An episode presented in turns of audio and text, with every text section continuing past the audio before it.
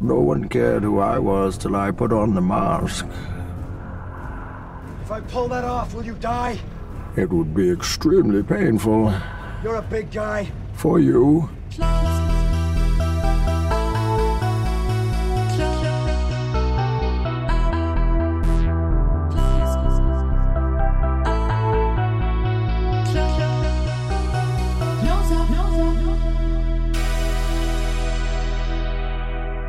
Ja, då var det dags igen att hälsa varmt välkomna ännu en gång till ett nytt avsnitt av Close-Up-podden. Jag heter Oliver och med mig har jag som alltid min mycket goda vän Linus. Hallå, hallå, hur står det till? Hur är läget?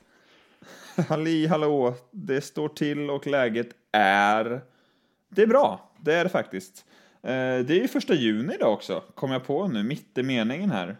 Ja, Biografen har öppnat, har du planerat någon, något, eh, något återfall? eh, nej, jag det har jag inte gjort tyvärr. Jag ehm, eh, haft lite fullt upp med jobb och så för att kunna, jag tänker sen, jag har ju semester några veckor nu i sommar och då tänker jag ska klämma in några, några biobesök där tänker jag. Ehm, det, krö, Ja. det kröp upp lite på oss tycker jag det här eh, månadsskiftet. Jag tycker det har gått så fruktansvärt fort nu.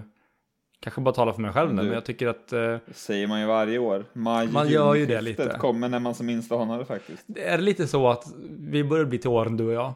Och är det så att ju äldre man blir desto så här desto snabbare går tiden har man ju hört liksom. Men det känns som att man har träffat någon slags eh, att nu rullar det bara på år efter år liksom. Gud vad mörkt det nu. Eh, men kul, har du några planer på har, du, har du några planer på biobesök eh, själv? Eh, inga konkreta planer så som om man ska prata biljetter bokade eller så, men eh, jag har väl typ bestämt att jag vill se någon av de här Ringen-filmerna i alla fall på bio. Det hade varit jävligt schysst Mm. faktiskt, när man ändå kan liksom. Alltså jag sitter inte här och bläddrar nu liksom. Vad går nu egentligen? Och det är ju det är såklart den vi längtat efter i massa år, Tom och Jerry-filmen. Mm. Ehm, och Ringen-filmen är premiär idag. Men den som är faktiskt då, om man ska prata liksom en ny film eh, som jag är, är sugen på så är det väl, ja det, du får ju två svar från mig här. Du får ju eh, Cruella med Emma Stone ska ju tydligen vara en rackarrökare. Eh, och sen så sägs det att en, en, vad heter den, en runda till heter den, med Mads Mikkelsen. Just som ju var, den vann väl till och med, den var väl inte bara, Precis. eller bara, bara nominerad.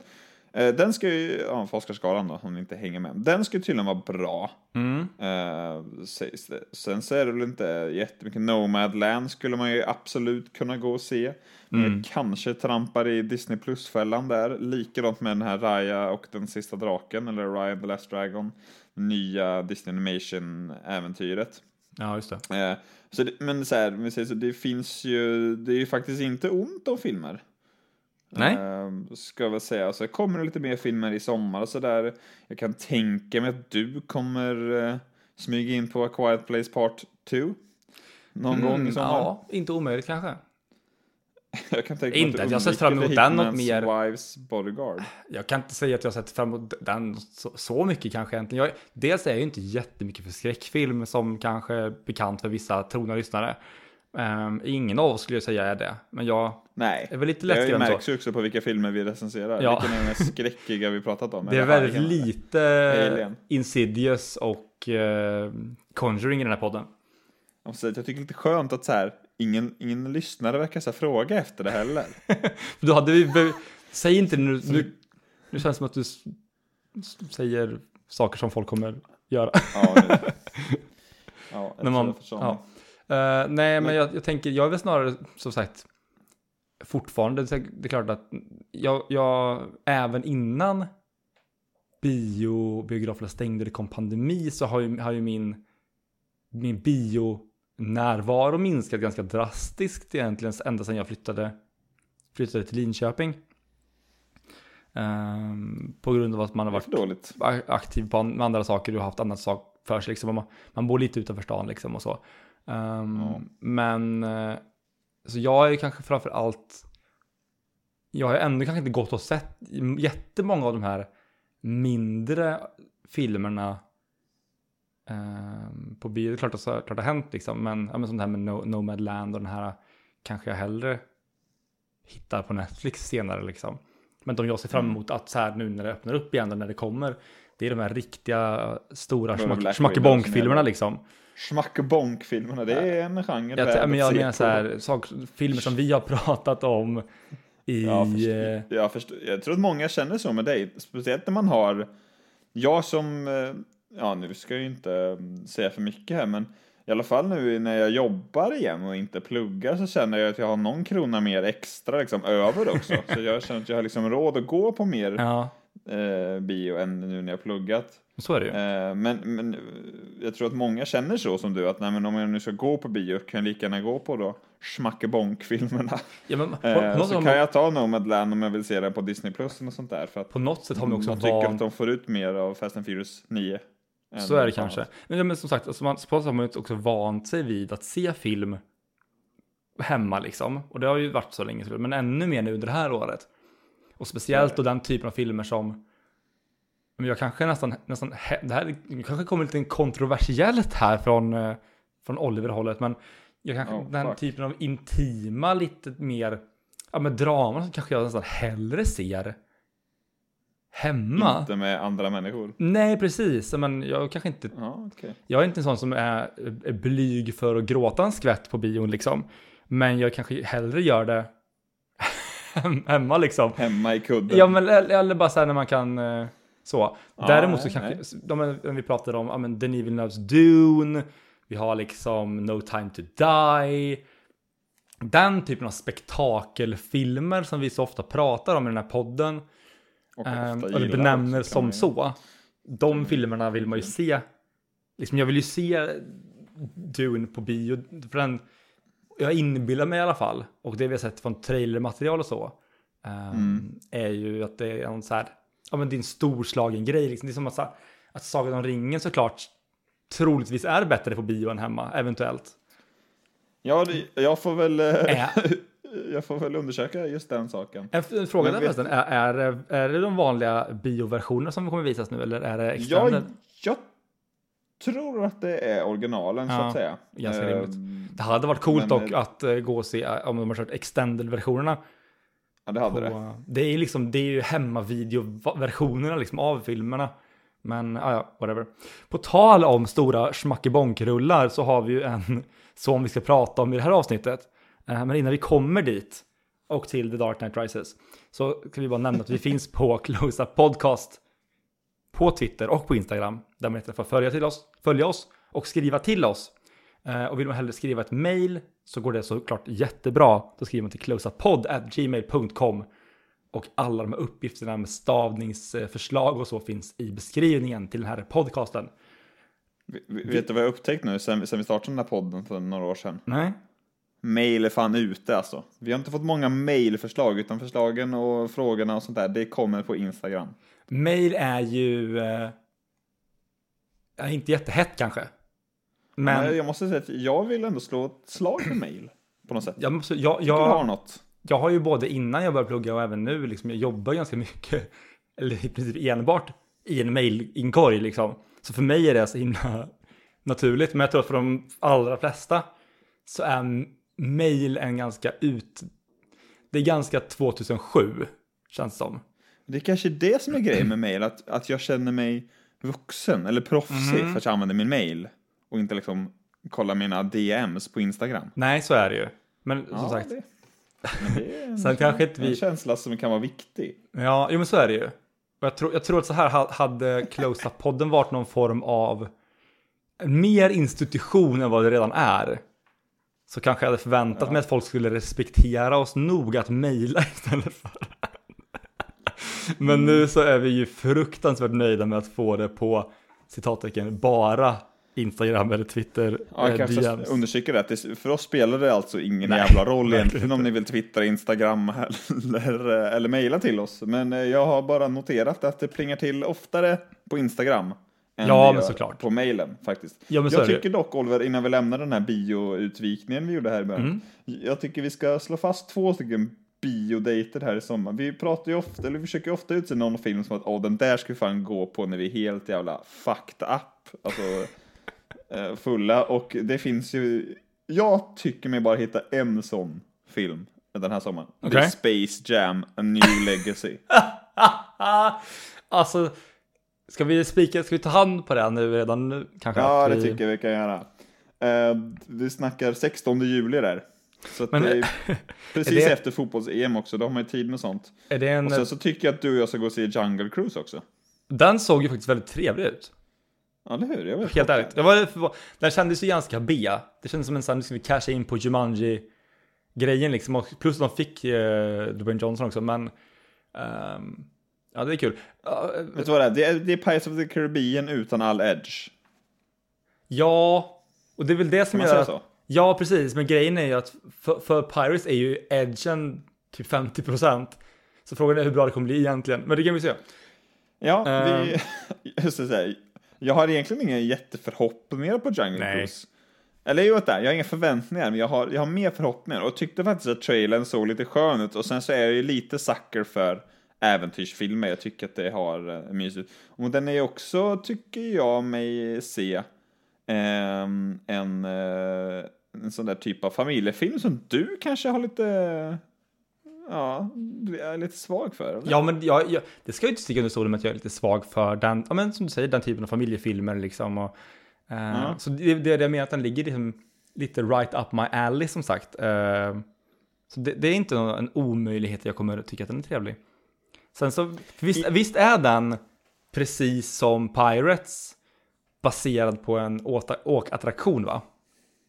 Så är det. Det de man oftast blir påmind om, för den som kanske inte vet då, eller som såg filmerna först, eller, ja, eller som är yngre helt enkelt, så blir jag alltid påmind om eh, att Pirates är en, en, eh, liksom, en attraktion från första början när jag ser på Jurassic Park. För där så säger väl så här, det går ju åt skogen i Jurassic Park, alla har ju sett den, så säger väl John Ham Hammond typ att ja men i första veckan när de öppnar Disney World så funkar inget heller eller något sånt där. Nej, precis. Eh, och då säger, eh, då säger, jag tror det är Jeff Goldblum som säger Ja, jo, det stämmer, men skillnaden är att liksom Pirates of the Caribbean-grejerna hoppade liksom inte av attraktionerna och mördade besökarna.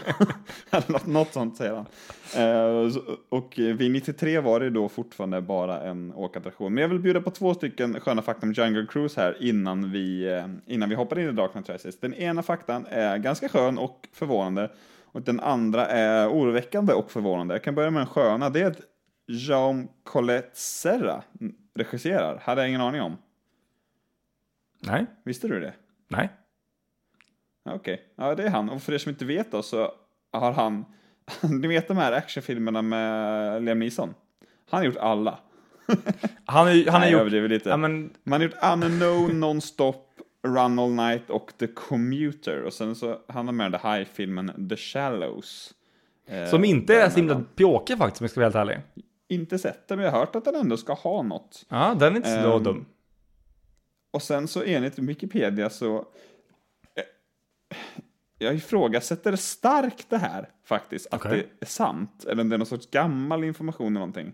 Men enligt, sa jag Wikipedia, jag menar IMDB. Enligt IMDB är Jungle Cruise 2 timmar och 38 minuter lång.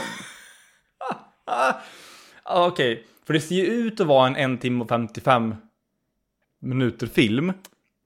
Så när Det man, ser framförallt ut att inte behöva mer än 1,40. nej men för det är väl också här, när man pratar om familjefilmer så är det ofta den längden. Och att ha en som är över Pirates 2.30 är dock 2,25 eller sånt där. Det har Vilket vi då? pratat om en gång. Pirates första är ju... Ja men precis, det är det jag menar. Alla är ju för långa i och för sig. Men... det, det, är- det, en lång runtime på den här typen av film hintar ju om eh, någon slags en ambitionsnivå, en ambitionsnivå som ligger då som sagt i, i parallell då kanske med Pirates eller den typen av så här spektakelfilmer om för att vi är inne på det ordet. Men liksom Är detta åkattraktionsfilmernas Sagan om ringen vi har Okej, här? si, sista, kanske? sista saken här innan vi hoppar in i eh, Dark Knight Rises. Som Ja. vi har ju lovat nu i snart en kvart här. Är att, den okej, gamla vilken-. Du och jag, eh, vi är ju som sagt, vi är från Skövde ursprungligen. Och Så är det. Så eh, är det. nu är du kanske, börjar bli mer stockholmare kanske än Skövdebo.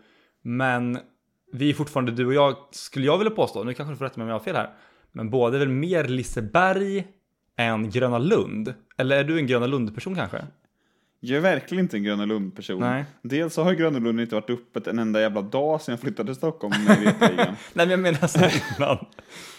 Och sen så innan dess har jag bara varit där en gång faktiskt. Ja. Eh, och det var väl trevligt. Men det, nu då, har jag dock, jag jobbar väldigt nära Gröna Lund, eller ja, jag, är- jag är på fel sida vattnet, men ibland så går vi på, på promenad upp på en höjd och så ser vi Gröna Lund liksom. ja, ja. Men ehm, Men jo, men min fråga på det var, var om du fick välja en, i så fall tar vi då en eh, Liseberg. Nu kommer vi utsluta alla stackars oh, som jävlar, okej. Men vilken- jag, vilken jag Liseberg- förstår vad du ska fråga. Vilken Liseberg-attraktion hade du helst velat se en, en, en två timmar och 38 minuter lång film baserad på?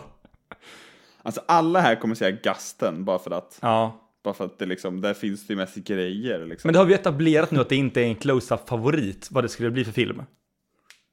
Det, skräck, det hade gjort en skräckfilm och det hade inte vi gått i god för här. Ja, och, och, och jag tycker absolut att Gasten har någonting. Men den ser jag verkligen inte fram emot på något sätt om jag ska åka till Liseberg. Nej. Då tänker man ju snarare åt kanske så här, ja men vet du vad jag har ändå? För den, den har eh, liksom action set piece eh, i sitt DNA. Mm. Colorado. Ja, Kan man inte göra något där? Det kan man ju hitta på. Colorado eller Flume Ride är väl de som kanske är lättast Ja, att se. precis. En annan... Sen vill man ju också, för det finns väl ingen direkt som är så någon karaktär liksom? Jag har det ju- liksom är någon, Jag har ju en. eller är det det? Kaninresan.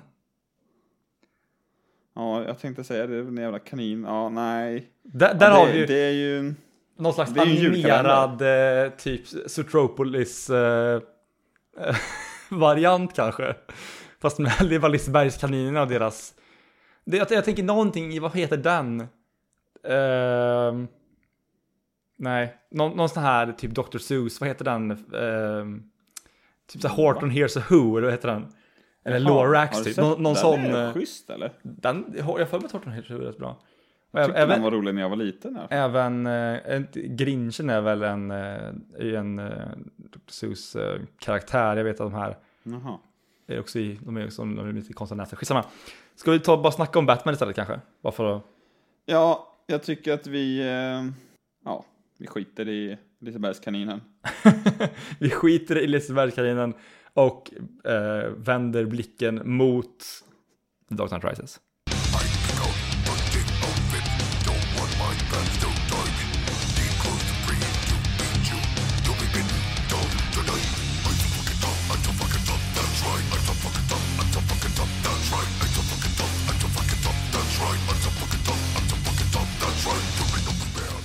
The Dark Knight Rises kom ut sommaren 2012, såklart återigen regisserad av Christopher Nolan och skriven ihop med hans bror Jonathan. Och David S. Goyer har även här en story cred. Det är klart, han hänger ju i. Eh, Christian Bale och Michael Caine och Gary Oldman och de här, de är med som vanligt. Morgan Freeman ska man ju inte glömma heller. Känns lite, lite taskigt. Men här har vi ju faktiskt en hel radda, som man kan säga hemma hos oss, nya skådespelare faktiskt. Det är ju det är ju typ hälften, känns det som. Eh, vi kan börja då med Anne Hathaway som kanske har störst roll ihop med Tom Hardy som ju spelar skurken Bane. Vi har Marion Cotillard som jag inte kan uttala på varken franska eller engelska eller någonting. Eh, Joseph Gordon-Levitt. Vi har ju Ben Mendelsohn som vi ju båda tycker så mycket om. Fantastiska Ben Mendelsohn. som jag helt hade glömt bort. Matthew Modine. Mm. Det var helvete. Jag tror att jag då fick med i alla fall typ alla de stora namnen. Säkert någon stackare som är glömd. Eh, så kan det vara. Den här kom alltså fyra år efter The Dark Knight. Är den avslutande delen i The Dark Knight-trilogin. Som eh, nu så här, nio, tio år senare, eh, är rätt hyllad, får vi väl säga. Hans Zimmer Ja. gör musiken igen och Wally Fister fortsätter fota och Lee Smith fortsätter att klippa. Det är i stort sett samma team bakom.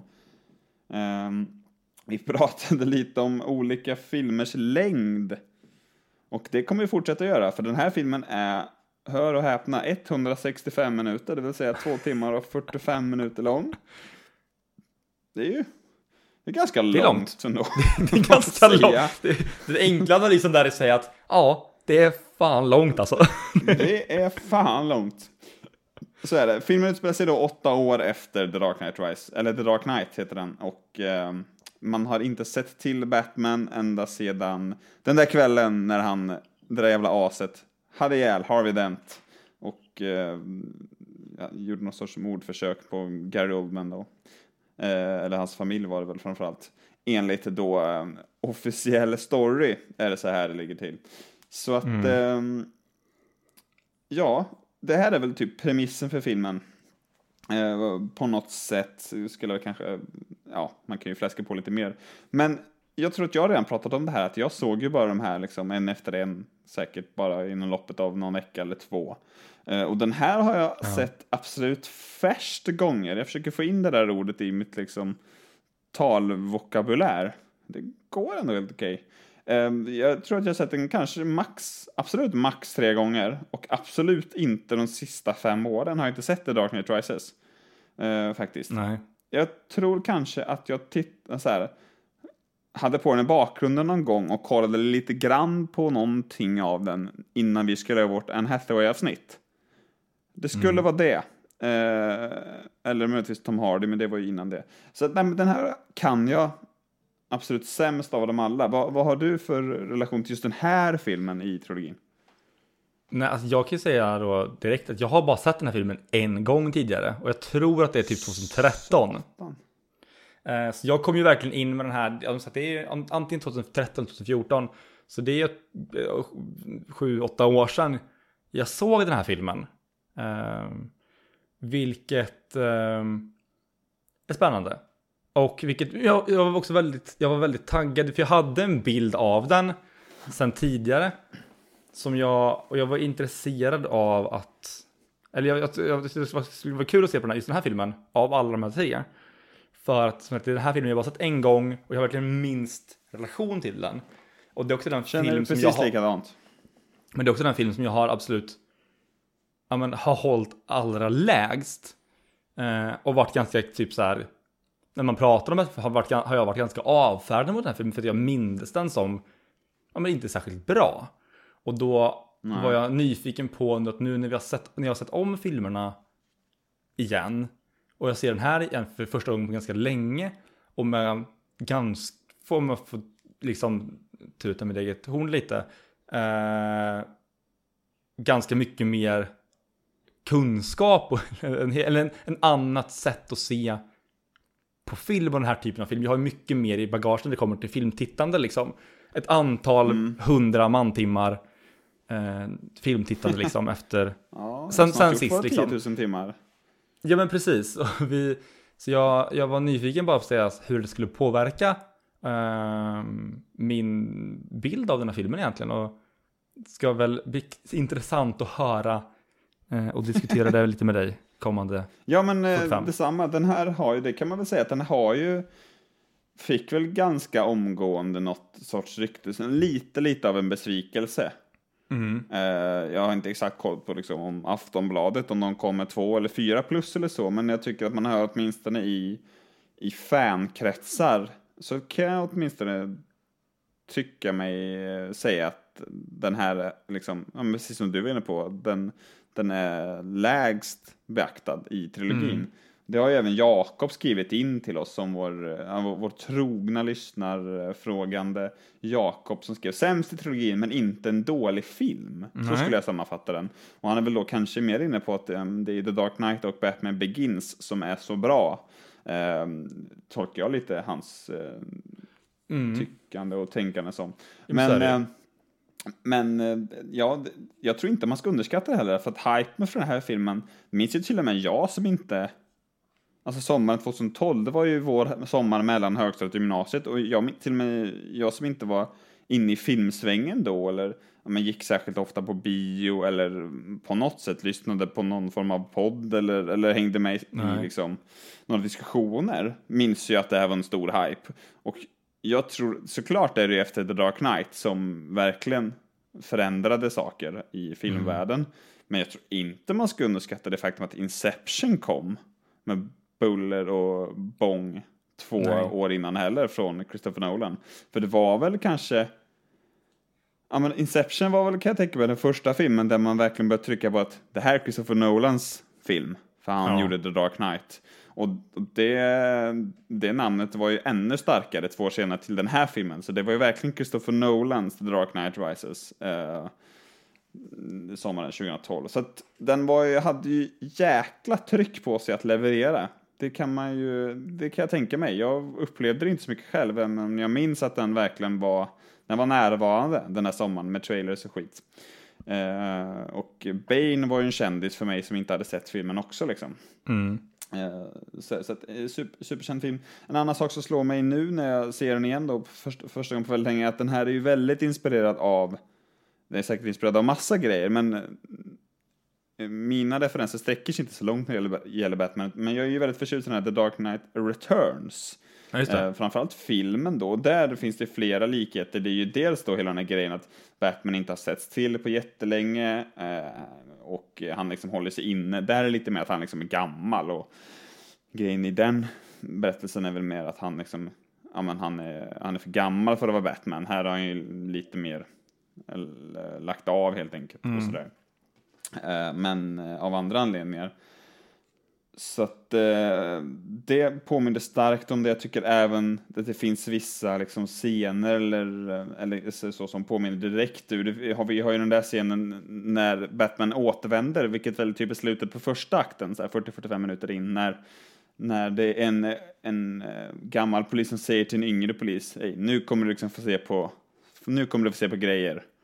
Eh, det är ju nästan rakt taget ur eh, Dark Knight Returns och det Ja. finns även en cool grej i, i eh, senare i filmen där det liksom är helt mörkt och så ser man bara hur han kommer närmare och närmare när då liksom rummet lyses upp av någon som står och skjuter med ett gevär.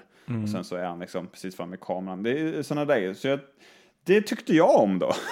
Ja. som, eh, som gillar den filmen mycket. Du gillar väl också den helt okej. Men annars Ja, så, men- jag är men lite jag in- tänker att- in...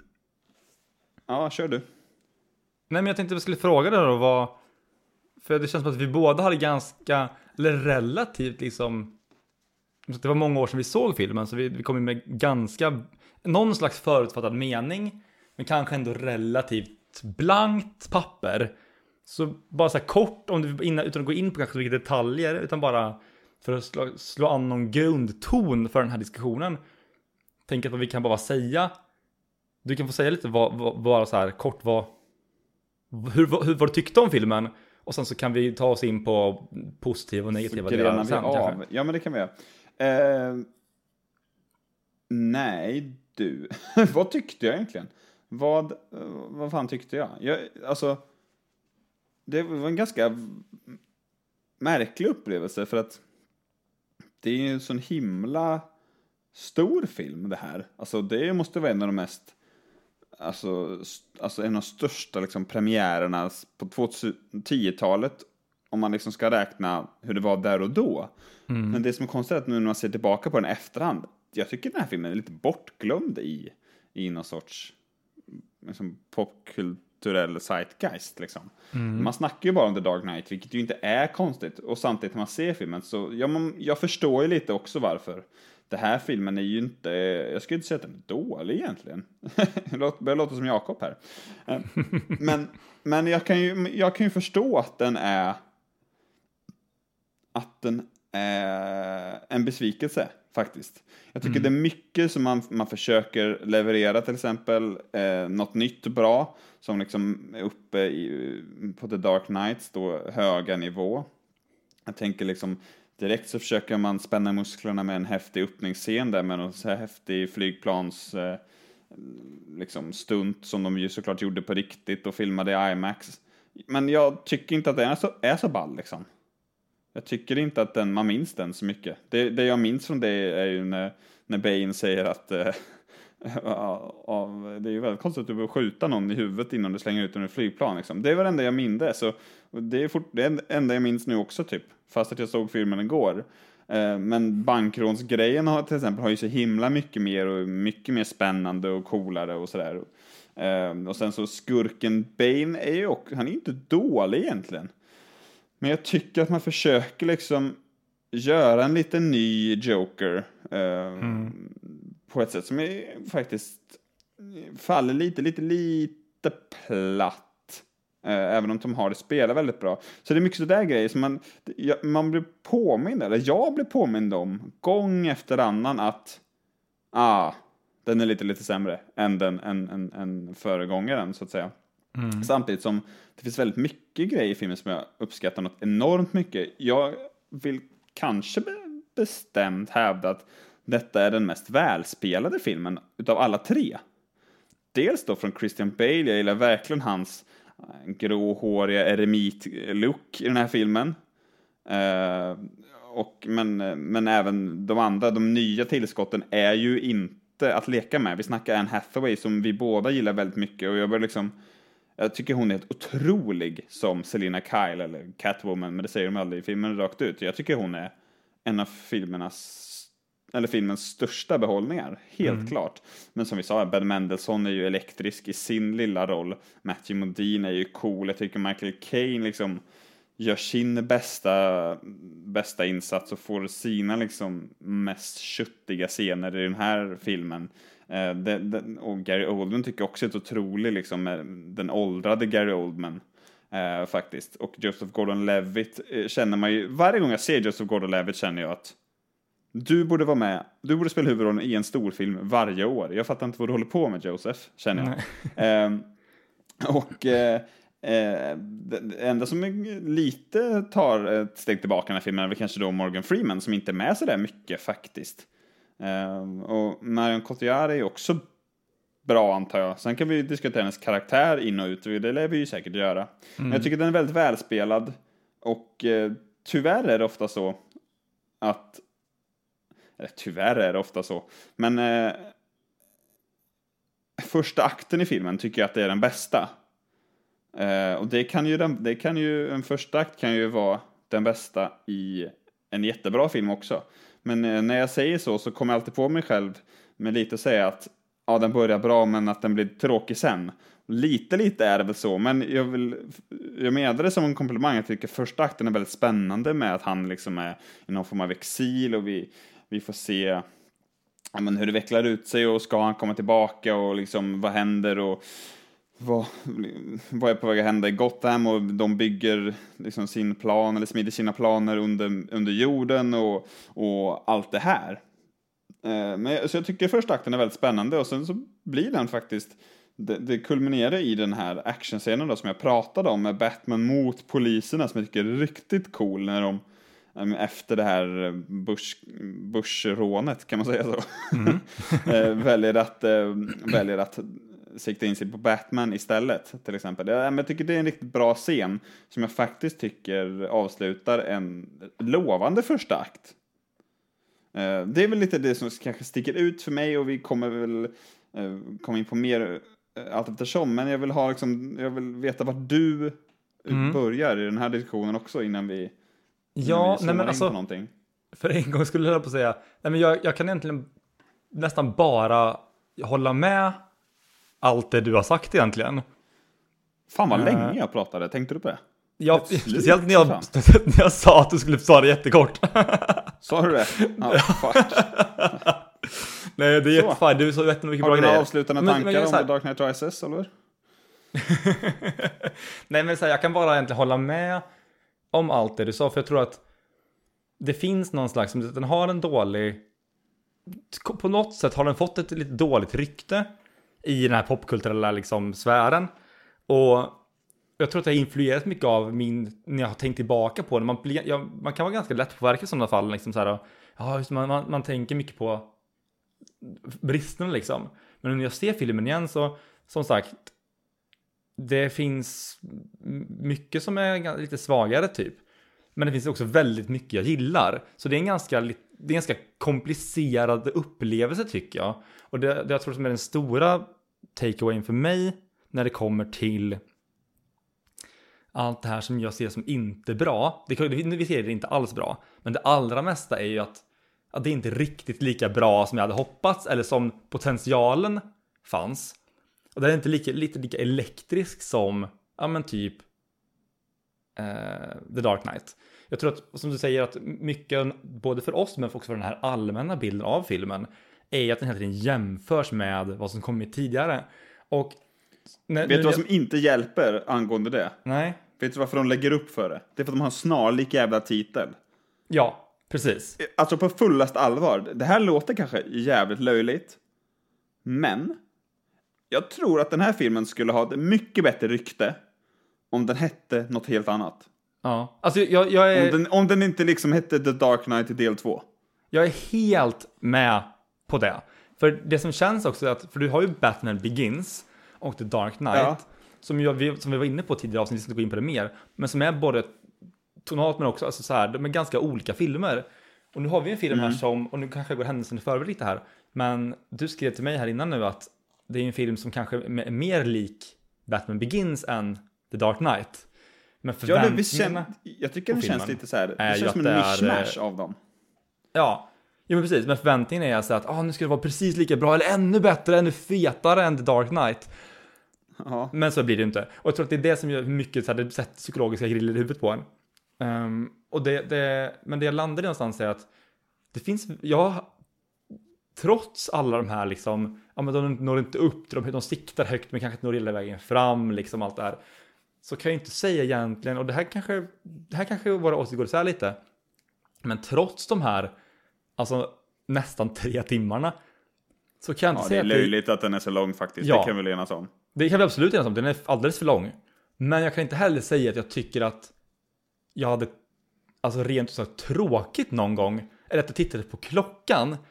Sen säger jag inte att allting... Jag, jag känner precis som du ja, faktiskt. men samtidigt, jag, jag, Jättekonstig säger, känsla. jag säger inte att allting är perfekt eller att allting flöt på bra och att det inte fanns, det finns väldigt mycket som är när de bara står och pratar eller mycket som är mycket dödtid i filmen.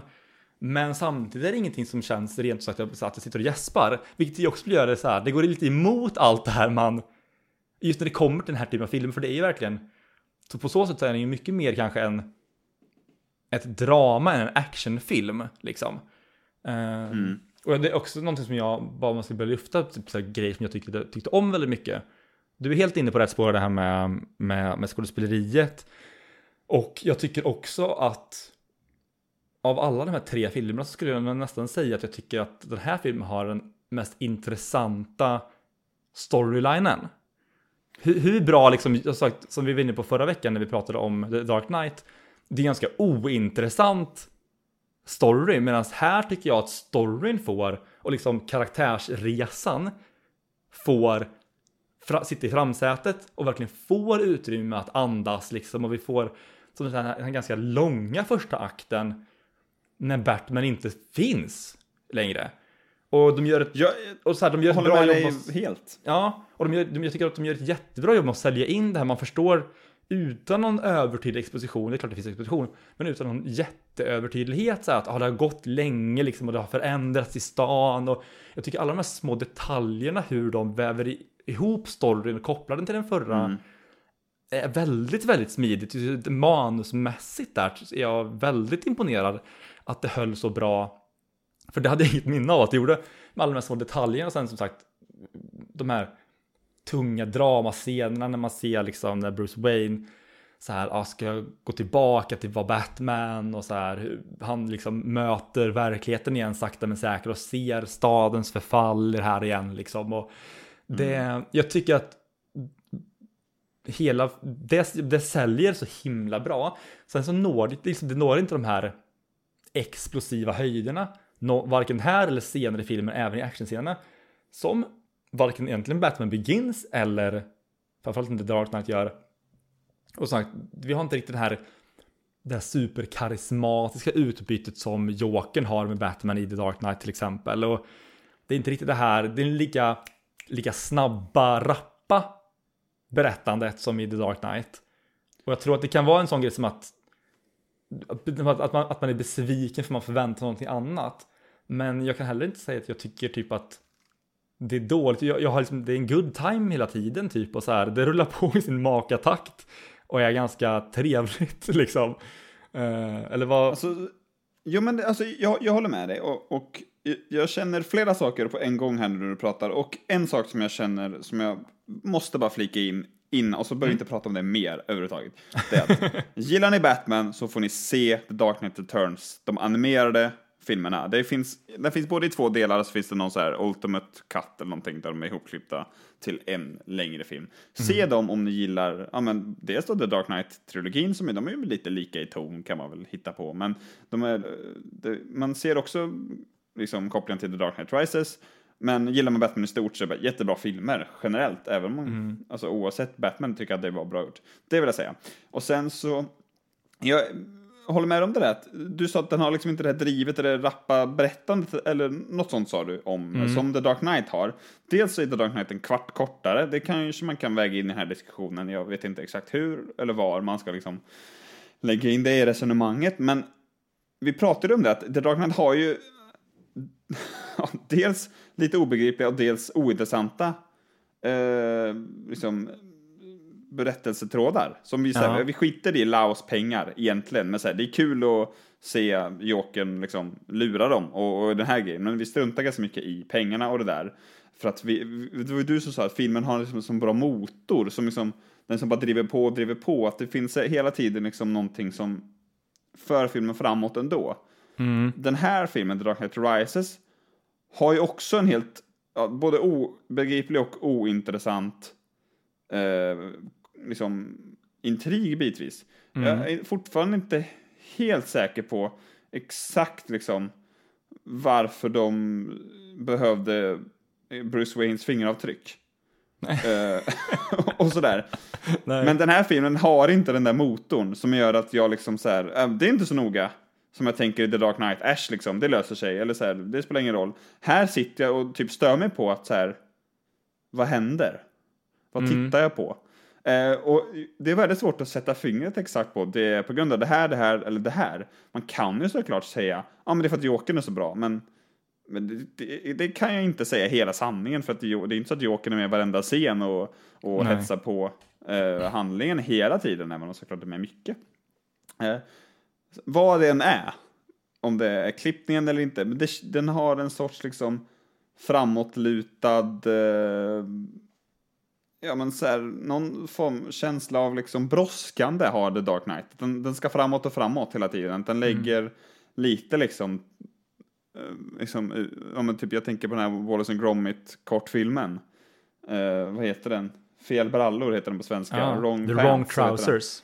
Wrong trousers, när, när, när Gromit lägger ut liksom tågbanan framför sig när han åker på tåget. Lite så känns Dark Knight. The Dark Knight Rises.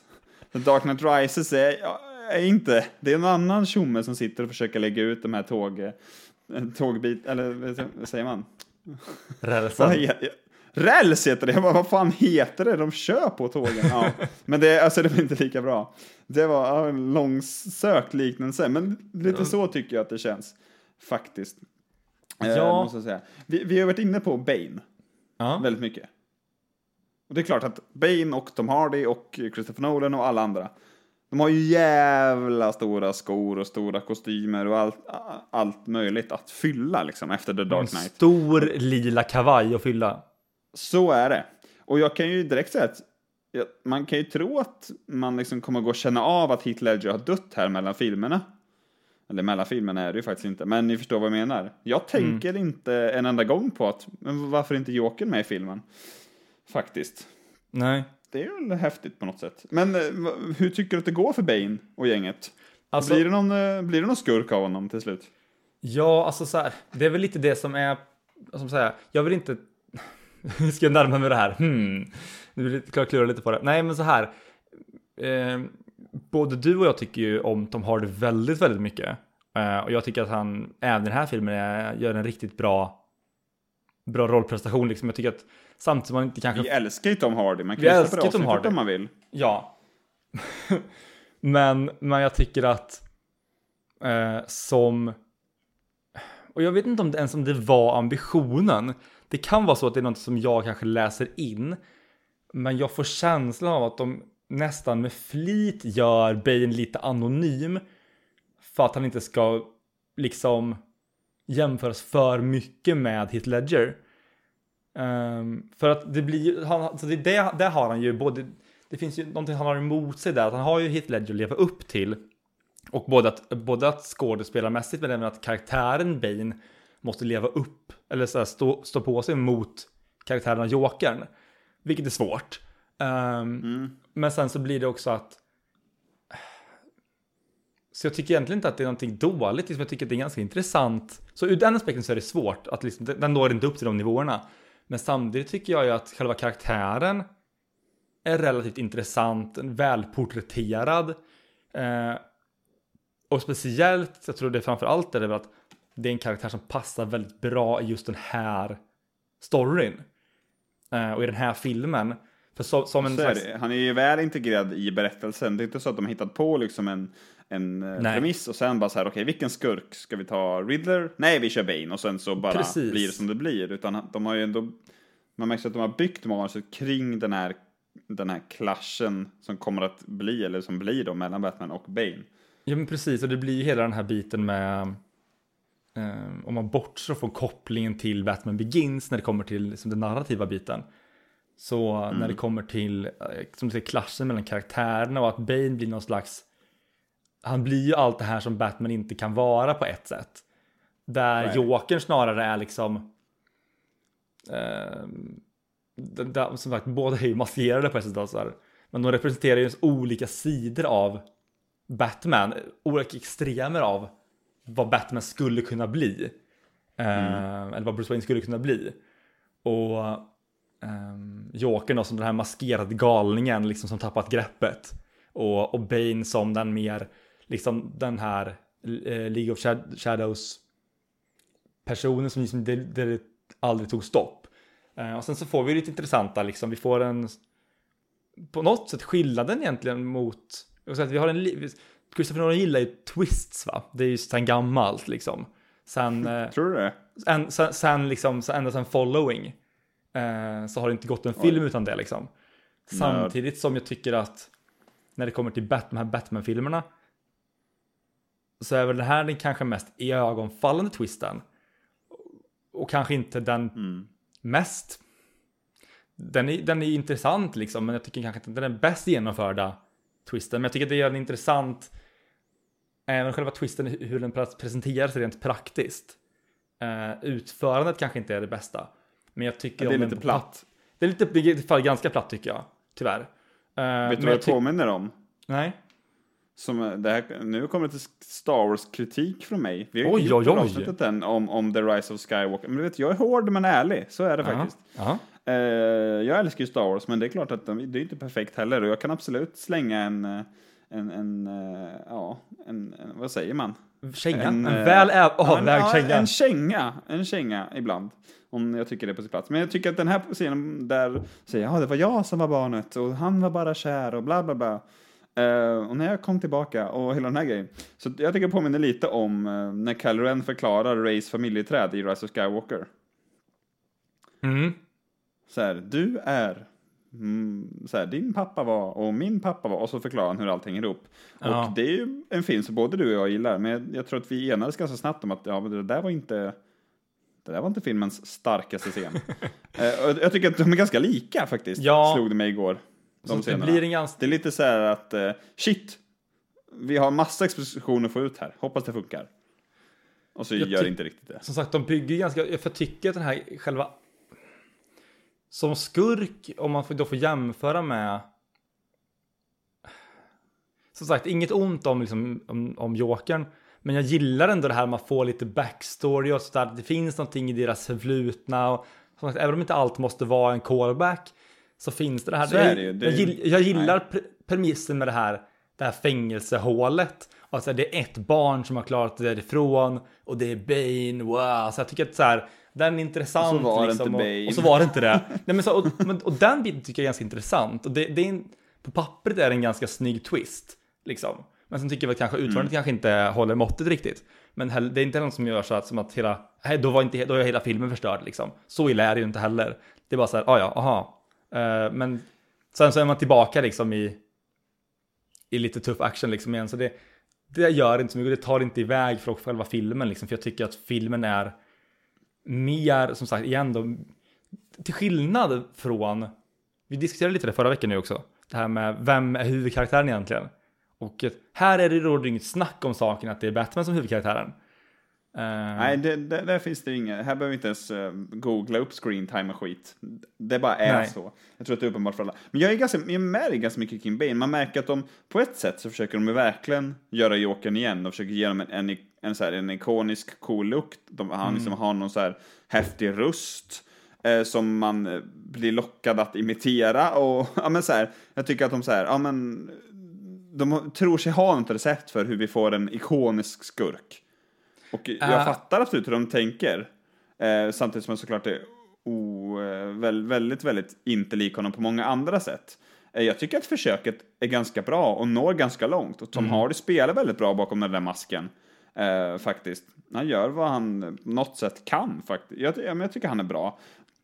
Eh, och sen så är det ju så här. Ja, han, nej, han blev inte lika bra som Jokern eller lika minnesvärd eller lika rolig att titta på eller intressant. Men jag tycker samtidigt att han är ju fan så mycket bättre än allt Batman Begins har att komma med till exempel.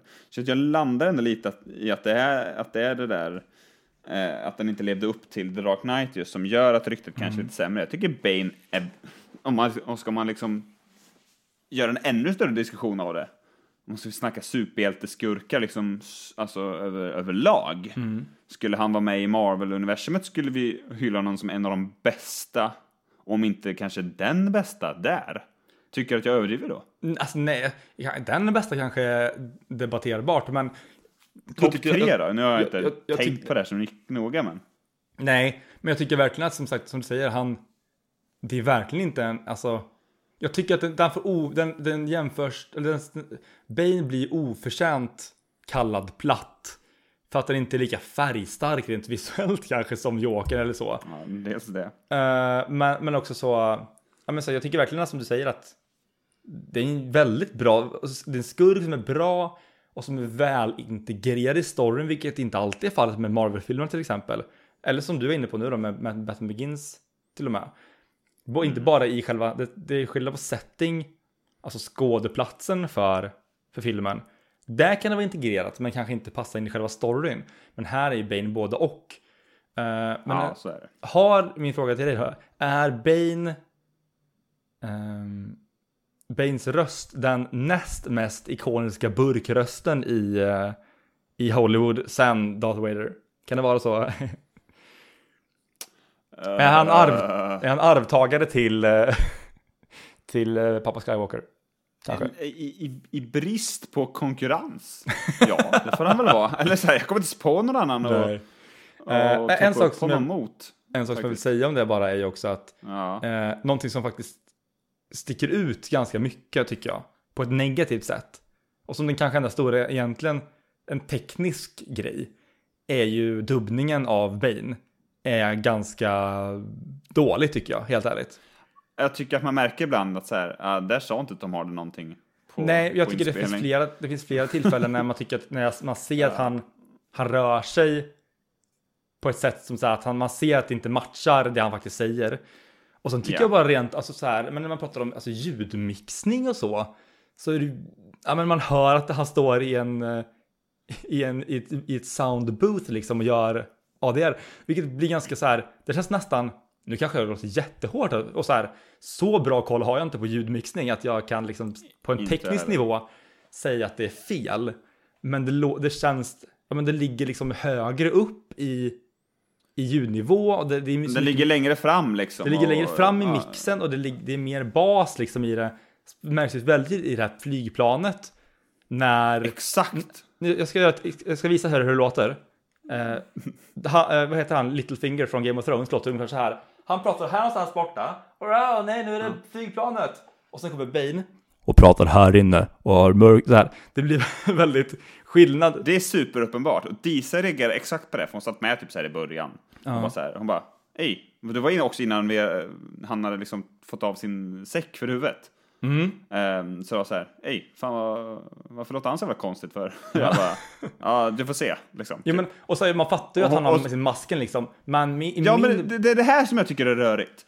Är det här ett aktivt val från, ehm, liksom, för det kan man göra ibland, man kan ju ta till liksom lite så här logiska genvägar för att man liksom vill göra en cool grej. Det behöver ju inte betyda att Bane liksom har en mycket häftigare röst, men scenen kanske blir coolare och så om Banes röst låter mer. Ja, och, och, och, sånt ser man hela tiden och det är liksom ett grepp. Men jag tycker att det är liksom inkonsekvent. Jag tycker, ja, men Pratar så här, han högre än de andra? Jag har hans mask någonting med det att göra? Exakt, för det, det, så här, jag, fattar får, ingenting. Jag får bilden av att Det är lite masken, godtyckligt. jag får bilden av att masken har med, med andningen att göra. Någon, och typ någon så här. Men det, och att det, alltså, han pratar under masken. Men det Ja, ljudmixningen antyder är ju att han har en förstärkare. Att det är en mikrofon, att, alltså så här, att han pratar och att den liksom förstärker ljudet liksom på något sätt. Eller att den påverkar hans röst mer än att det bara blir liksom burkigt för att han har en mask framför munnen. Så det tycker jag är lite, jag vet inte, som sagt, det är ju verkligen en, det är ju små saker i det stora hela. Men det är något som jag reagerade på som väldigt så här. Vi är inte de enda som har tänkt på det. Det Men sticker ut sen, lite. Jag, ja, jag tror inte att varken du eller jag lider av det här, för att jag tror att både du och jag kollar med svensk textning för det mesta. Ehm, Eh, om det finns så lättillgängligt. Men eh, mm, ja, den har ju fått lite kritik också för att man fucking inte hör vad, vad Bane säger. nej, Men eh, ja, det ska vi inte säga så mycket om. Tiden börjar rinna ur oss. Har du något kort och snärtigt att säga om, om Miranda Tate eller Talia Al Ghul, spelad av vår kära fransyska? Eh, nej. Jag tycker hon är Nej. kanske den, den en, en ehm, tyvärr kanske den minst intressanta av de här liksom um, huvudskådespelarna liksom i den huvudsakliga skaran. Och det är in, ingenting med, jag tycker att hon gör ett väldigt bra jobb. Uh, Marion Cotillard är en jätte, jättebra skådespelerska. Uh, Hon är och jättefin. super, superbra liksom. Och spelar ju väldigt, väldigt bra. Och säljer det hund- helhjärtat. Eh, men kanske inte eh, karaktären just. Ganska blek. Där, där tycker jag, där sticker hon verkligen inte ut. Och det, ja, sen, det kan också ha att göra med att de försöker smyga in henne under liksom, hade hon tagit för mycket plats och varit alldeles för så här, woho, ex, eh, extrovert liksom, eller excentrisk, så hade man bara så här, hmm, det är något skumt med henne, hon är den nya jokern. Ja, ja. Så här, och det, det, Hon är ju väldigt snäll i två timmar. hon är ju väldigt, Eh, eh, och härlig och vacker. välkammad, och liksom. Och, ja, liksom sådär. Och hon Ja. är liksom gullig och, och Bruce Wayne blir kär. Och, eller, gullig och oskyldig är väl nästan. He, he, he, ja, men precis. Ja. Helt plötsligt är de bara, det tycker jag också är konstigt. Eller också, det, jag tycker det är konstigt att så här, helt plötsligt har de liksom en kärleksrelation och så ska han känna sig sviken på slutet när han blir stäbbad. Jag köper inte riktigt hennes karaktär. Jag kan tänka mig att det finns typ så här, en 45 minuter som är bortklippta ur den här filmen. Mm. Jag bara utgår från det. Jag kan tänka mig att det är ganska mycket Talia Al Ghul, för hon känns som att helt plötsligt är hon bara med i filmen på något sätt. det enda Eh, egentligen av- ledtråden vi Av får. nytillskotten tycker jag hon är eh, både minst intressant och lättast att glömma bort. faktiskt. Ja. Till skillnad då från, som du var inne på tidigare, Anne Hathaway som ju verkligen jag tycker stjäl showen som eh, Selena Kyle. Ehm, Fan vad hon är bra när hon bra. Ja. låtsas skrika där i början på den här Ja. restaurangen. Ja, herregud. Och jag tycker det är även liksom, det är en av switchen sakerna jag gör- minns. Ja, verkligen så här, minns ett ögonblick Mm. från när jag såg den liksom första gången. Typ bara, oh. Ja, men jag tycker Anne hon, och som sagt, eh, det är så kul med Anne Hathaway för hon, hon har inte gjort jättemycket den här typen av roller liksom. Eh, hon har gjort Det är väldigt, eh, det är väldigt o-Anne eh, roll. Häxorna har gjort nu som är lite så här lite ondskefullt typ, men eh, den, jag har inte sett den tyvärr så jag kan inte jämföra med den, men jag gillar hennes det här, den här mörka tonen hon får in eh, och hur hon, alltså både som hur, hur karaktären liksom är en skådespelare, om du förstår vad jag menar, eh, Mm. och hur, jag tycker att det är ganska snygg, och med ganska enkla medel gör det ganska, en, det är en kul, kul nyanser liksom att och, och kolla på där. Som där i början när hon bryter sig in, den första scenen med henne när hon bryter sig in hos, i det här kassaskåpet hemma hos, eh, hos Bruce Wayne. Och den skiftet i liksom när hon går från att vara oskyldig till att så här, nu är det inte en lek längre. Eh, ja, är det är subtilt och snyggt liksom och väldigt enkelt liksom. ehm, och tydligt. Eh, och sen tycker jag att hon, och så, och hon är jävligt cool liksom genom hela, genom hela filmen egentligen. Men också en väldigt intressant Skitcool. karaktär, men också en väldigt intressant karaktär. Som liksom, de föder ju av varandra på ett sätt där också. Verkligen. Nu, vet- nu vet jag att eh, de inte jobbar så nu för tiden, men hade man liksom velat behålla någon, typ så som Judi Dench, hon liksom, hon följer ju med Pierce Brosnan, eller liksom, hon följer med Bond från Pierce Brosnan till Daniel Craig. Hade inte, Jag hade Mm. inte varit skitledsen om Anne Hathaway liksom följde med Batman eller Catwoman då, till Robert Pattinsons film faktiskt. Det var Oh. eh, vara med igen. Nej, det Eh, hade ju men- varit något. Hon är jättebra. Det, det märks och man förstår ju att de hade kul ihop, hon och Nolan. För hon är ju med i Interstellar två år senare och gör en helt annan sorts roll också. Hon är ju otroligt bred. Det har ett jävla register, vilket hon eh, visar gång efter annan. Nu är inte det någon, något Anne Hathaway-avsnitt, för det har vi redan gjort det också. eh, jag vill bara säga så här, vi ska ju börja runda av. Så är det. Eh, jag vill bara flika in, jag tycker att looken i den här filmen är skitbra. Jag tycker att kanske det här är den som har bäst look. Eh, och jag gillar mycket av de här, dels har det mycket med miljöerna och eh, de här koncepten som de är inne på. Precis som du så gillar jag den här fängelsegrejen väldigt mycket och den är ju den är klurigt designad för den ser ju ut exakt som eh, den här brunnen han faller ner i i första filmen. Precis. Ehm, så, så, och så klättrar han upp ur den sista. Så han, han rises liksom. Eh, Så, det, Det är en metafor. snygg, eh, ja, det, det får man för fan säga ändå att det är. Eh, och även då, kan jag väl säga, man kan ju, ska vi inte ge oss in i någon jävla evighetsdiskussion om det här, men även skurkarna rises ur, eh, ur marken och sådär. och sen även då poliserna på slutet, den håller på mycket med det där faktiskt. Eh, men jag tycker den är jättegod, och det är ju en liten del i det ska man säga, att den här filmen är väldigt, väldigt mycket filmad i IMAX. Eh, Mycket mer än The Dark Knight. Vi pratade ju knappt om det överhuvudtaget förra, eh, förra gången. Ehm, men eh, jag ska börja runda av och tycker väl då att, att slutet är bra. Jag gillar slutet och man kan tycka att autopilot-grejen är lite billig, men jag gillar det här också lite Dark Knight Returns-iga slutet med eh, att eh, Gordon Levitt på något sätt tar över. Oj, han hette visst Robin, det var ju lustigt. Eh, och att eh, de är i den här Florence-grejen som Michael Caine lägger upp för, som jag tycker är fin. Ehm, och sådär. Slutet är bra och sen så gillar jag mycket, en stor del av filmen faktiskt här. Och jag kan, jag kan förstå lite det som vi snackar om mycket i Batman Begins, att, att det är svårt att matcha de här tonerna liksom. De har det här fantastiska liksom stora koncepten med fängelset och, och ja, i viss mån även det här spökstadsgreppet som jag tycker är jävligt coolt på vintern i Gotham. Det är snyggt som fan faktiskt. Med då de här ganska vardagliga, liksom realistiska grejerna, inte vardagliga men liksom väldigt från vår värld med börsen och, och det där. Ehm, jag tycker att den här filmen går den här balansgången lite bättre än Batman Begins, just med att få ihop de där eh, grejerna faktiskt. Men det är ju tyvärr ganska rörigt, jag förstår inte skurkarnas plan, jag förstår inte heller motivationen riktigt alla gånger, eh, även om, ja, vi, vi pratade lite om det sådär. Jag tycker faktiskt att det tynger filmen lite. Eh, jag hänger inte riktigt med alla svängar, vad Bane gör och sådär. Faktiskt. Tyvärr, jag, jag tycker att det faktiskt tynger filmen, det måste jag säga. Sen gillar jag fängelset och jag gillar allt det där, men att jag inte riktigt förstår skurkarnas plan. Och jag, det, det, visst, jag förstår inte Jokerns plan alla gånger heller, men av någon anledning så bryr jag mig inte så mycket eh, om det. Och Nej. sen är det som Jakob skrev också, som vi glömde ta upp förra veckan, att så här, jag förstår inte hur Jokern kan minutplanera allting. Och jag bara, nej, det, det förstår inte jag heller, men det känns som att han är liksom, han, han känns som att han, han är liksom en magisk karaktär i den där filmen. Han, men det finns ingen förklaring hur han lyckas ta sig in överallt och lyckas få in sina kort eh, in i, till domaren i rättssalen och allt det där. Han liksom bara kan allt. Och, och jag tycker mig att de liksom försöker upprepa lite det där med Bane på något sätt, men det, det, den delen av Bane gillar jag inte alls. Att han ska liksom vara något så här mm, crime mastermind-grejen. Nej. Nej, den gillar jag inte.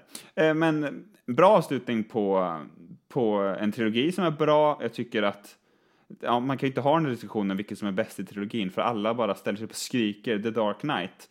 Men jag tycker att den här, då, eh, till skillnad från Jakob, jag tycker att den här faktiskt är bättre än Batman Begins och ska jag se om en film idag så ser jag hellre om den här än Batman Begins, faktiskt. Eh, även om den är lite stökig. Men den har ju ett cool, en, en cool flygande Batman. Eh, Precis. Den gillar jag. Är den för mycket Ja, tycker du? Den men jag kan- Gillar du den? The Bat.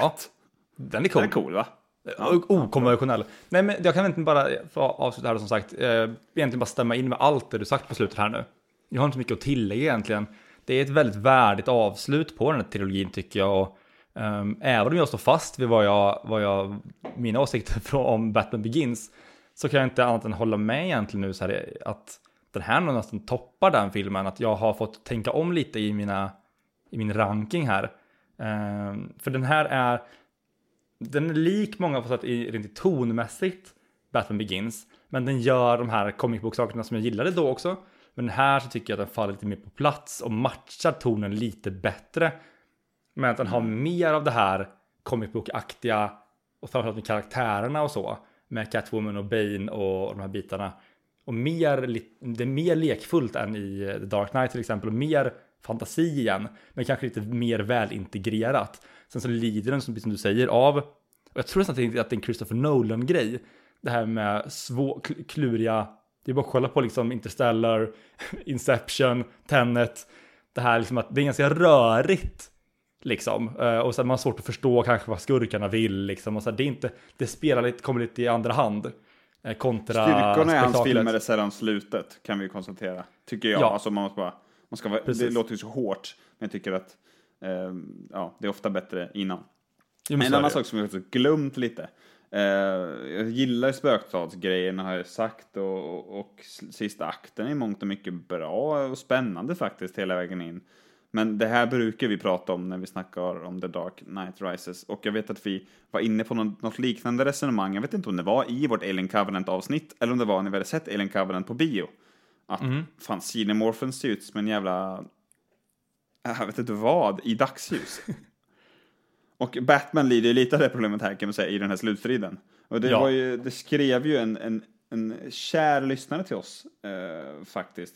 Han, han, han, skrev så här att Erik heter han, han skrev att fighten i dagsljus är det värd att belysa och det var ju snitsigt och kul. eh, och det är klart att så här, ja, det låter som en ganska liten grej, men jag, jag minns att jag, jag kan tycka att det här är jätteviktigt faktiskt. Mm. Eh, miljön. Och jag minns att när Predators kom ut för något år sedan. 2018 kom väl den. Shane mm. Blacks haveri. Den var ju inte alls bra, men jag minns att han pratade i någon intervju om den här slutstriden som man såklart inte minns.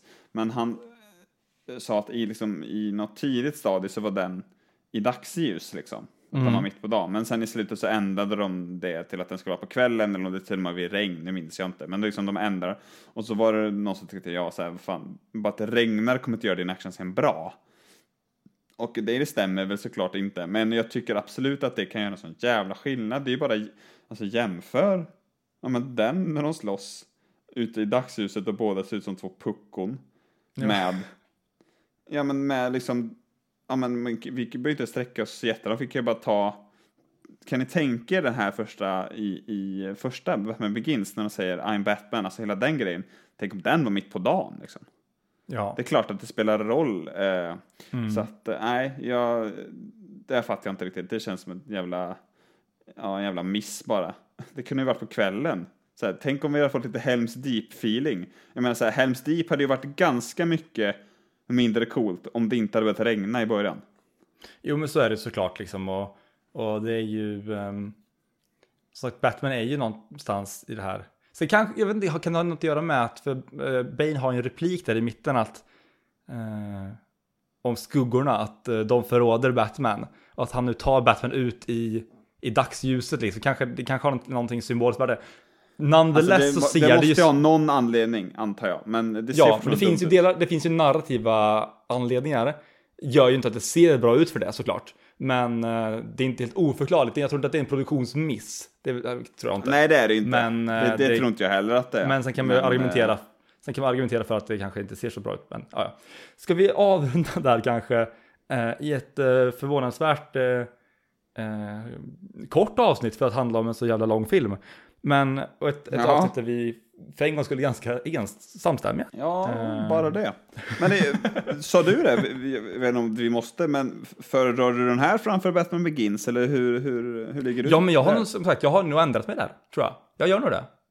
Vilket ja, var, det var jag förvånade mig själv med det faktiskt. Ja. Men det är därför vi gör det här Linus, det är därför vi har den här podcasten, för att vi ska kunna se på filmer igen och prata om dem och uppleva och ändra våra åsikter. Eh, och vad ska vi göra för dem nästa vecka då, Oliver?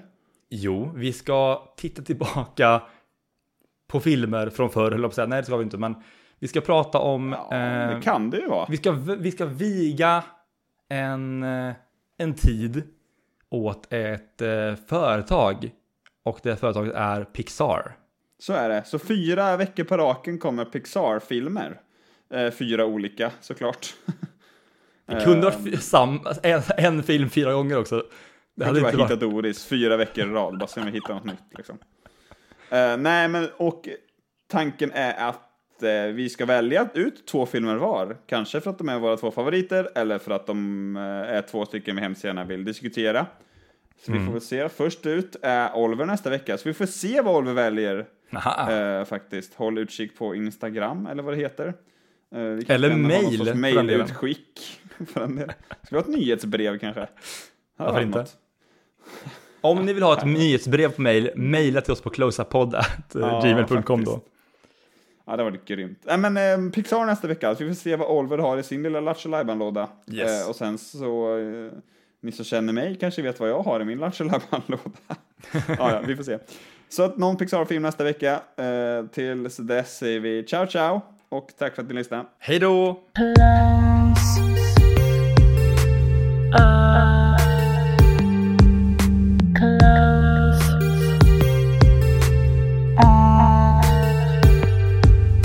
Close up.